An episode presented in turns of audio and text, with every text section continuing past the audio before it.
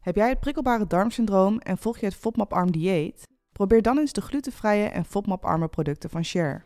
Vanaf nu zijn alle FODMAP-arme producten van Share eenvoudig te herkennen aan de oranje sticker. Benieuwd naar de producten? Ga dan naar de website. De link staat in de beschrijving van deze podcast.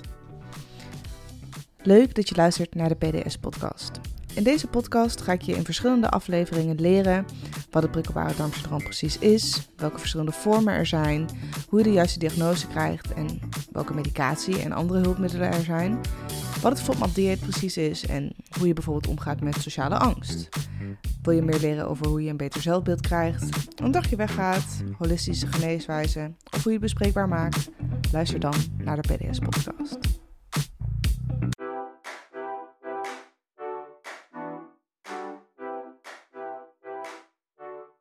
Laat ik beginnen bij ehm, ja, het eerste dingetje. Dus op het moment dat jij naar de dokter gaat met jouw klachten, dan gaan zij daar verschillende vragen aan je stellen over klachten die je mogelijk ervaart. Bijvoorbeeld, uh, is je pijn gerelateerd aan stoelgangproblemen? Of merk je verandering in, vaak in de hoeveelheid stoelgang die je hebt en hoe vaak je moet? Um, is er een verandering opgetreden? Hoe vaak heb je deze klachten? Wanneer zijn deze klachten begonnen? Met welke medicijnen gebruik je? Ben je onlangs heel erg ziek geweest? Heb je een bacterie gehad? Of misschien wel een hele stressvolle gebeurtenis meegemaakt? PTSS is ook vaak gelinkt aan PDS, omdat veel mensen die zo lang in een posttraumatische stressstoornis of heel veel stress hebben ervaren, hebben gewoon meer kans op PDS. Nou, afhankelijk van welke symptomen jij dan hebt en met welke klachten jij naar de dokter gaat, gaan zij kijken of er nog andere tests nodig zijn om deze diagnose te bevestigen. Het kan dus zijn dat zij na dat kleine gesprekje wat ze met je hebben, wat boxjes afvinken en denken: oké, ja, het is PDS. Succes. dat kan. Uh, uh, het kan zo zijn dat je dokter dat adviseert of dat, dat aan je meegeeft. Maar je kan ook vragen om vervolgonderzoeken. Want misschien heb je wel een andere bacterie. Heb je uh, colitis ulcerosa? Heb je de ziekte van Crohn? Het is altijd goed om dat even uit te sluiten. En ik zeg niet dat je de meest moeilijke persoon op aarde moet zijn of moet denken dat je dat bent, want je bent nooit te moeilijk als het gaat om je gezondheid. Ga zo vaak naar de dokter als jij denkt dat het nodig is. Maar kom wel met concrete uh, dingen als je daar dan bent. Dus weet wat je wil gaan vertellen. Schrijf het desnoods even op een papiertje voordat je er komt.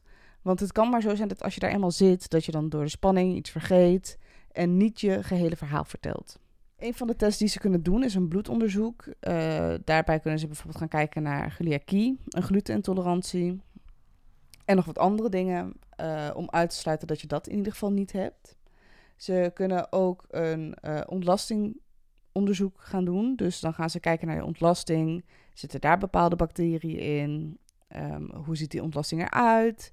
Waarom heb je deze vorm van ontlasting? Heb je altijd deze vorm van ontlasting? Nou, dat en nog veel meer. Er kunnen ook röntgenfoto's uh, gemaakt worden.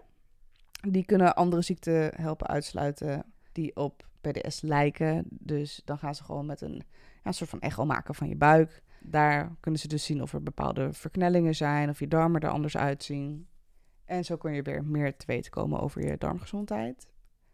Afhankelijk van je symptomen en je, ja, je medische geschiedenis en andere factoren kan je ook een colonoscopie doen. En bij een colonoscopie gaan ze je dikke darm in. En daar gaan ze kijken naar hoe, de, hoe die omgeving eruit ziet. Um, zitten er verknellingen? Op deze manier kunnen ze ook een kleine hoeveelheid weefsel verwijderen, meenemen, zodat ze dat kunnen onderzoeken. En ze gaan gewoon kijken naar kleine gezwellen, polypen bijvoorbeeld. Daardoor kunnen ze een nauwkeurige diagnose stellen en zelfs een behandeling geven. Dus dat is iets wat ik altijd aan zou willen, willen raden. Het is dan misschien wel niet een van de meest fijne onderzoeken om te doen, maar je komt hierdoor wel echt veel meer te weten over je darmgezondheid. Dus prettig, nee zinvol ja. En ja, PDS-klachten lijken dus soms op klachten van andere maag-darmaandoeningen. Uh, bijvoorbeeld zoals chronische darmontstekingsziekte, maar ook celiakie, uh, En ja, het kan ook lijken op darmkanker. Daarom is het gewoon goed om onderzoeken aan te gaan, zodat je daar echt een goed inzicht in krijgt, dat je echt dingen uitsluit. PDS is in die end vaak een verzamelnaam voor, ja, een syndroom is een verzamelnaam voor een heleboel klachten. En die kunnen gewoon soms een beetje vaag zijn. En daarom is het zo goed om andere dingen uit te sluiten. Want het kan heel erg op iets anders, wat het dan misschien niet is, maar je kan het maar beter zeker weten. Ze gaan ook vaak kijken naar hoe je buik bijvoorbeeld aanvoelt. Dan gaan ze gewoon drukken op je, op je buik of er bepaalde zwellingen zitten. Ehm, en ja, gewoon kijken hoe dat aanvoelt. Weet je, is het, is, het, is het heel hard of is het heel soepel? Waar zit dan de pijn precies? Dat, kan je, dat kunnen ze ook nog doen als je bij de dokter bent. En verder gaan ze dus ja, controleren of er geen andere alarmsignalen zijn. Want ik vertelde dat in de vorige aflevering dat een collega van mij... Um, die dacht dat hij PDS had, maar die had de ziekte van Crohn. En ook bloed bij de ontlasting en andere... Uh, en in één keer hele erge gewi gewichtsverlies. Ja, dat wees gewoon niet op PDS. En doordat hij al die onderzoeken is gaan doen, kwamen ze erachter dat hij ziekte van Crohn had. En die alarmsignalen, die, ja, dat is dus bijvoorbeeld bloed bij de ontlasting, heel erg gewichtsverlies zonder een, een duidelijke oorzaak van gewichtsverlies. Bloedarmoede bijvoorbeeld, dat is er ook eentje. Mocht je daar heel erg last van hebben, dat is niet normaal bij PDS.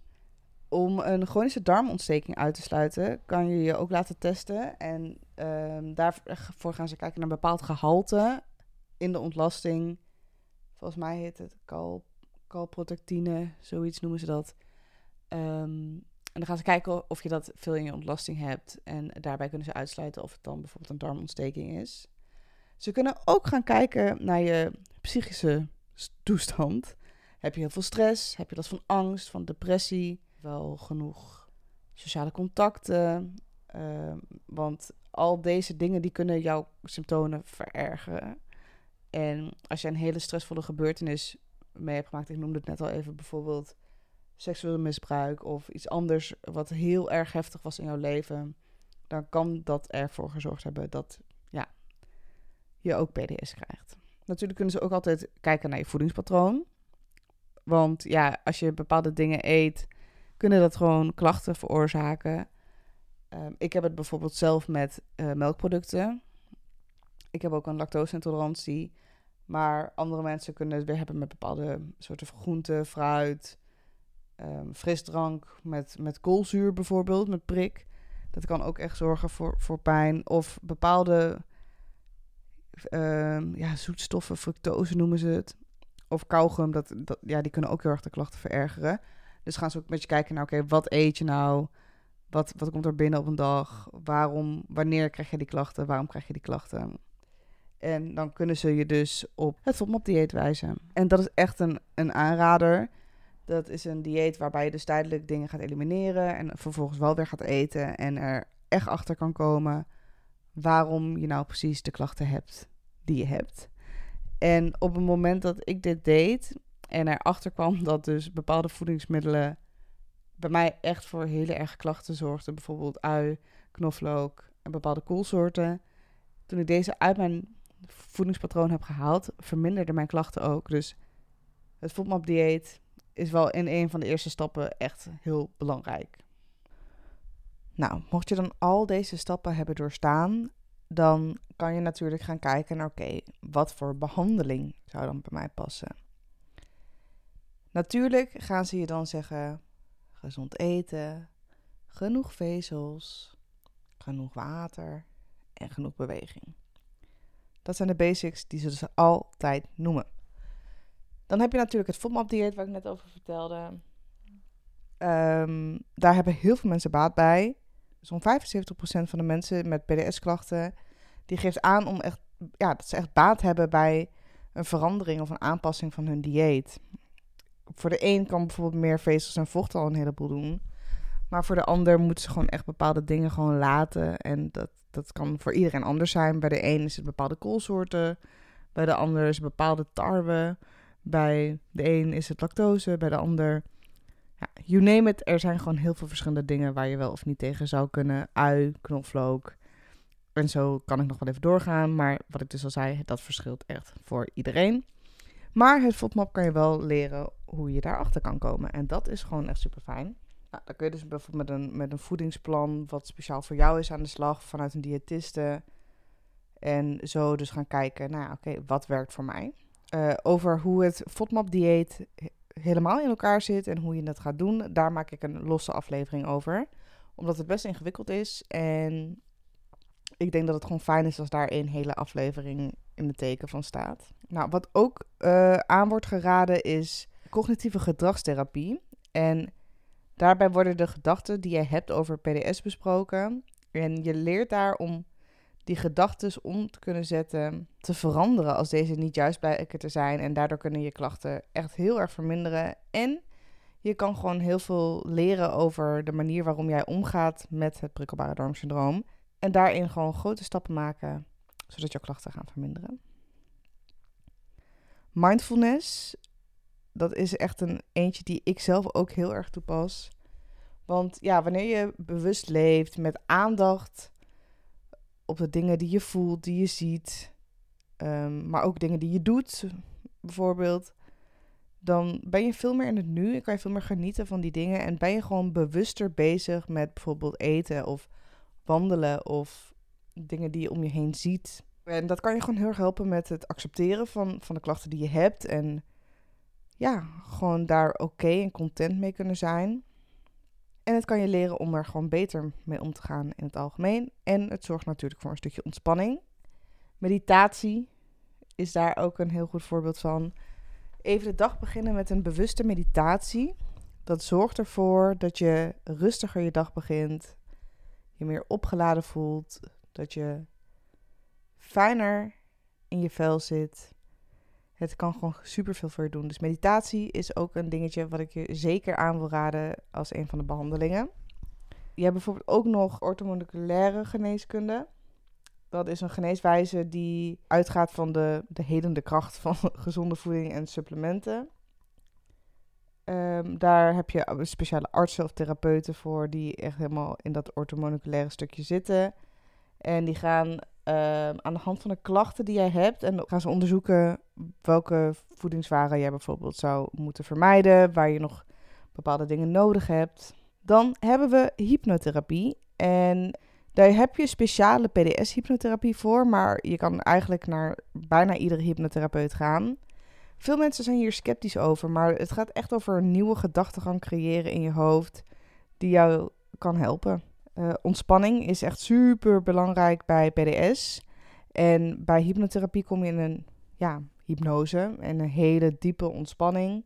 En uh, ze zullen je daar ook oefeningen geven en leren die ja, jou kunnen helpen met het verminderen van jouw klachten. Die kunnen hierdoor zelfs helemaal verdwijnen en dat is wel echt heel tof aan hypnotherapie. Je hebt daarnaast ook nog bijvoorbeeld een bekkenfysiotherapie die je kan doen. Therapie die kan je helpen om ja, je bekkenbodemspieren beter te leren gebruiken deze gebruik je om bijvoorbeeld je ontlasting op te houden of los te laten. Om heel bewust bezig te zijn met deze spieren in je lichaam, kan je deze weer beter gaan gebruiken en kunnen je klachten echt heel erg verminderen en kan je ontlastingpatroon beter worden. Dus dat is ook zeker een aanrader. Daarnaast uh, kan je nog naar een osteopaat gaan. Die, kan je, ja, die gaat zeg maar soort van massages doen en je op bepaalde plekken gaan ze drukken waardoor ja, vastzittende weefsels en organen in je lichaam loskomen. En door deze te versoepelen met bepaalde ja, bewegingen en handgrepen, um, ja, kan je, kunnen ze dingen losmaken in je lijf en kan je ontlasting beter gaan lopen. En dan gaan ze zeg maar de bewegingsfunctie van je darmen, daar gaan ze, gaan ze heel veel druk op uitoefenen. Mocht je nou bij je dokter zijn geweest en zij geven jou niet het antwoord wat je wil horen. Want dat kan gewoon gebeuren. Vraag dan altijd om een second opinion. Iedereen heeft recht op een second opinion. Een second opinion is gewoon een tweede mening. Dus een, een andere arts die dan naar jouw probleem gaat kijken. Ehm, daar heb je gewoon recht op. Dat mag je altijd vragen. En daardoor kan maar zo zijn dat jouw situatie geheel anders wordt bekeken. Daarnaast heb je bepaalde ontspanningsoefeningen om rust in je hoofd, maar ook in je lijf te creëren. Wandelen is echt heel goed voor mensen met PDS. Te heftige krachtsporten zal ik persoonlijk niet echt aanraden, omdat daardoor je opgeblazen buik en ja, je lijf ook weer in een soort van overlevingsstand gaat. Terwijl juist die rust nodig is. Ik zag op een website dat lage doses antidepressiva wel eens voor worden geschreven voor PDS. Persoonlijk wil ik dat echt niet aanraden. Er zijn gewoon zoveel onderzoeken gedaan naar antidepressiva. En daar kom je gewoon zo moeilijk van af. En het dempt je gevoelens en het dempt alles in je, in je lijf. Je voelt niet meer wie jij in je kern bent. En ja, ik zou dat gewoon niet aan willen raden. Daarnaast wordt bijvoorbeeld mebeverine, een ander medicijn, uh, geadviseerd. Dat is er eentje waar ik wel veel positieve verhalen over hoor. Het is een soort van stressverlichter. Kijk, antidepressiva is natuurlijk het werk voor de mind. Dus je hoofd wordt rustig, je darmen worden rustig. En dat is wat ik in aflevering 1 ook zei. Dat die constante cirkel die gaande is tussen je brein en je darmen. Als die goed loopt, of als er rust is in je hoofd, is er rust in je darmen. Maar voor langere periode antidepressiva slikken is denk ik gewoon niet de uiteindelijke oplossing. Ik denk dat je dit met heel veel andere tools veel beter onder controle kan krijgen. En als dat het eerste is wat een dokter je aanraadt, ja, dat zou voor mij wel echt een red flag zijn dat ik niet bij de juiste dokter zit. Ik zelf slik geen medicatie. Ik heb wel heel veel verschillende dingen geprobeerd. Uh, van vezelzakjes tot macrogol tot klisma's heb ik uiteindelijk gekregen. Um, ik merkte gewoon dat ik me daar niet prettig bij voelde. Ik wist wel dat het mijn klachten kon verminderen of kon, misschien kon helpen, maar op korte termijn werd het alleen maar erger en erger. En dacht ik, nou, ik wil hier gewoon zo snel mogelijk vanaf. En ook op het moment dat ik voor langere periode het gebruikte, het had gewoon niet zoveel impact. En op het moment dat ik heel erg aan de slag ging met mijn mindset, met buikmassages, waar ik ook nog een aflevering over ga maken, want dat is echt super interessant. Um, yoga, veel meer op de holistische tour. Dat voelde voor mij gewoon beter. En dat mag voor jou natuurlijk allemaal een beetje woe zijn. Of dat je denkt, nou, ik ga lekker toch aan de medicatie. You do you. Jij weet wat het allerbeste is voor jouw lichaam. Dat hoef ik jou niet te vertellen. Ik ga je bij deze even een stukje vertellen over medicatie die er is. Daarbij moet ik zeggen dat er niet één specifiek medicijn speciaal ontwikkeld is, ontwikkeld is voor PDS. Dit is gewoon wat ze. Dit is gewoon de medicatie die ook ingezet kunnen worden voor andere darmissues, andere je hebt bijvoorbeeld de faciliumvezels, die kunnen alle patiënten met PDS proberen. Zowel bij PDS-D als bij PDS-C en M. Dus bij alle versies van PDS kunnen deze ingezet uh, worden. Ze noemen dit ook wel bulkvormers. Bij verstopping wordt er ook wel magnesiumhydroxide gebruikt. Dat helpt om alles wat losser te maken. Je hebt natuurlijk macrogol, wat kan helpen bij de ontlasting. Pepermuntolie is iets wat veel gebruikt wordt. Tegen diarree kan je loperamide gebruiken.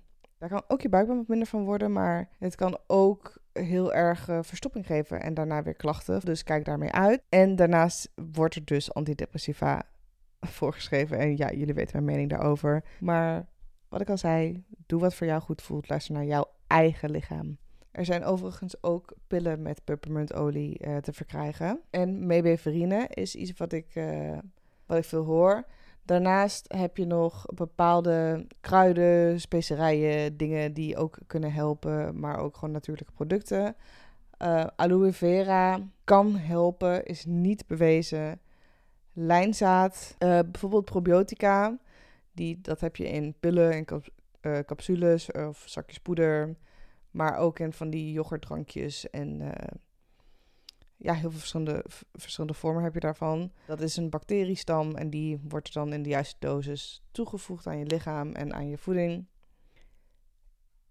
En deze kan je bij de apotheek halen, bij uh, Holland Barrett, bij de kruidvat. Dit, dit, dit heb je bijna overal. Doe wel goed onderzoek naar wat de pillen precies inhouden, zo, zonder dat je het zomaar neemt. Nogmaals, ik ben geen dokter. Ik spreek puur uit mijn eigen ervaringen. En ik wil jullie gewoon helpen en tips geven die er zijn. de informatie voor jullie samenvatten. Ik ben geen dokter. Ga altijd naar een arts. Of ga zelf heel goed onderzoek doen. En kijk wat voor jouw lichaam werkt. Maar laat je altijd eerst deze diagnose vaststellen door een arts. En ga dan pas kijken naar verschillende opties. Ik hoop dat je hier wat aan hebt gehad. En in een volgende aflevering ga ik weer over hele andere thema's praten. Ik hoop dat je dit even kan laten bezinken. Dat je kan voelen van, hey, dit voelt iets als iets voor mij. Dit wil ik graag een keer proberen. Of niet. Dan is dat ook helemaal oké. Ik geef alleen maar tips en tricks. En uh, ik hoop dat jullie naar de volgende aflevering weer gaan luisteren. Dankjewel en tot de volgende. Doei!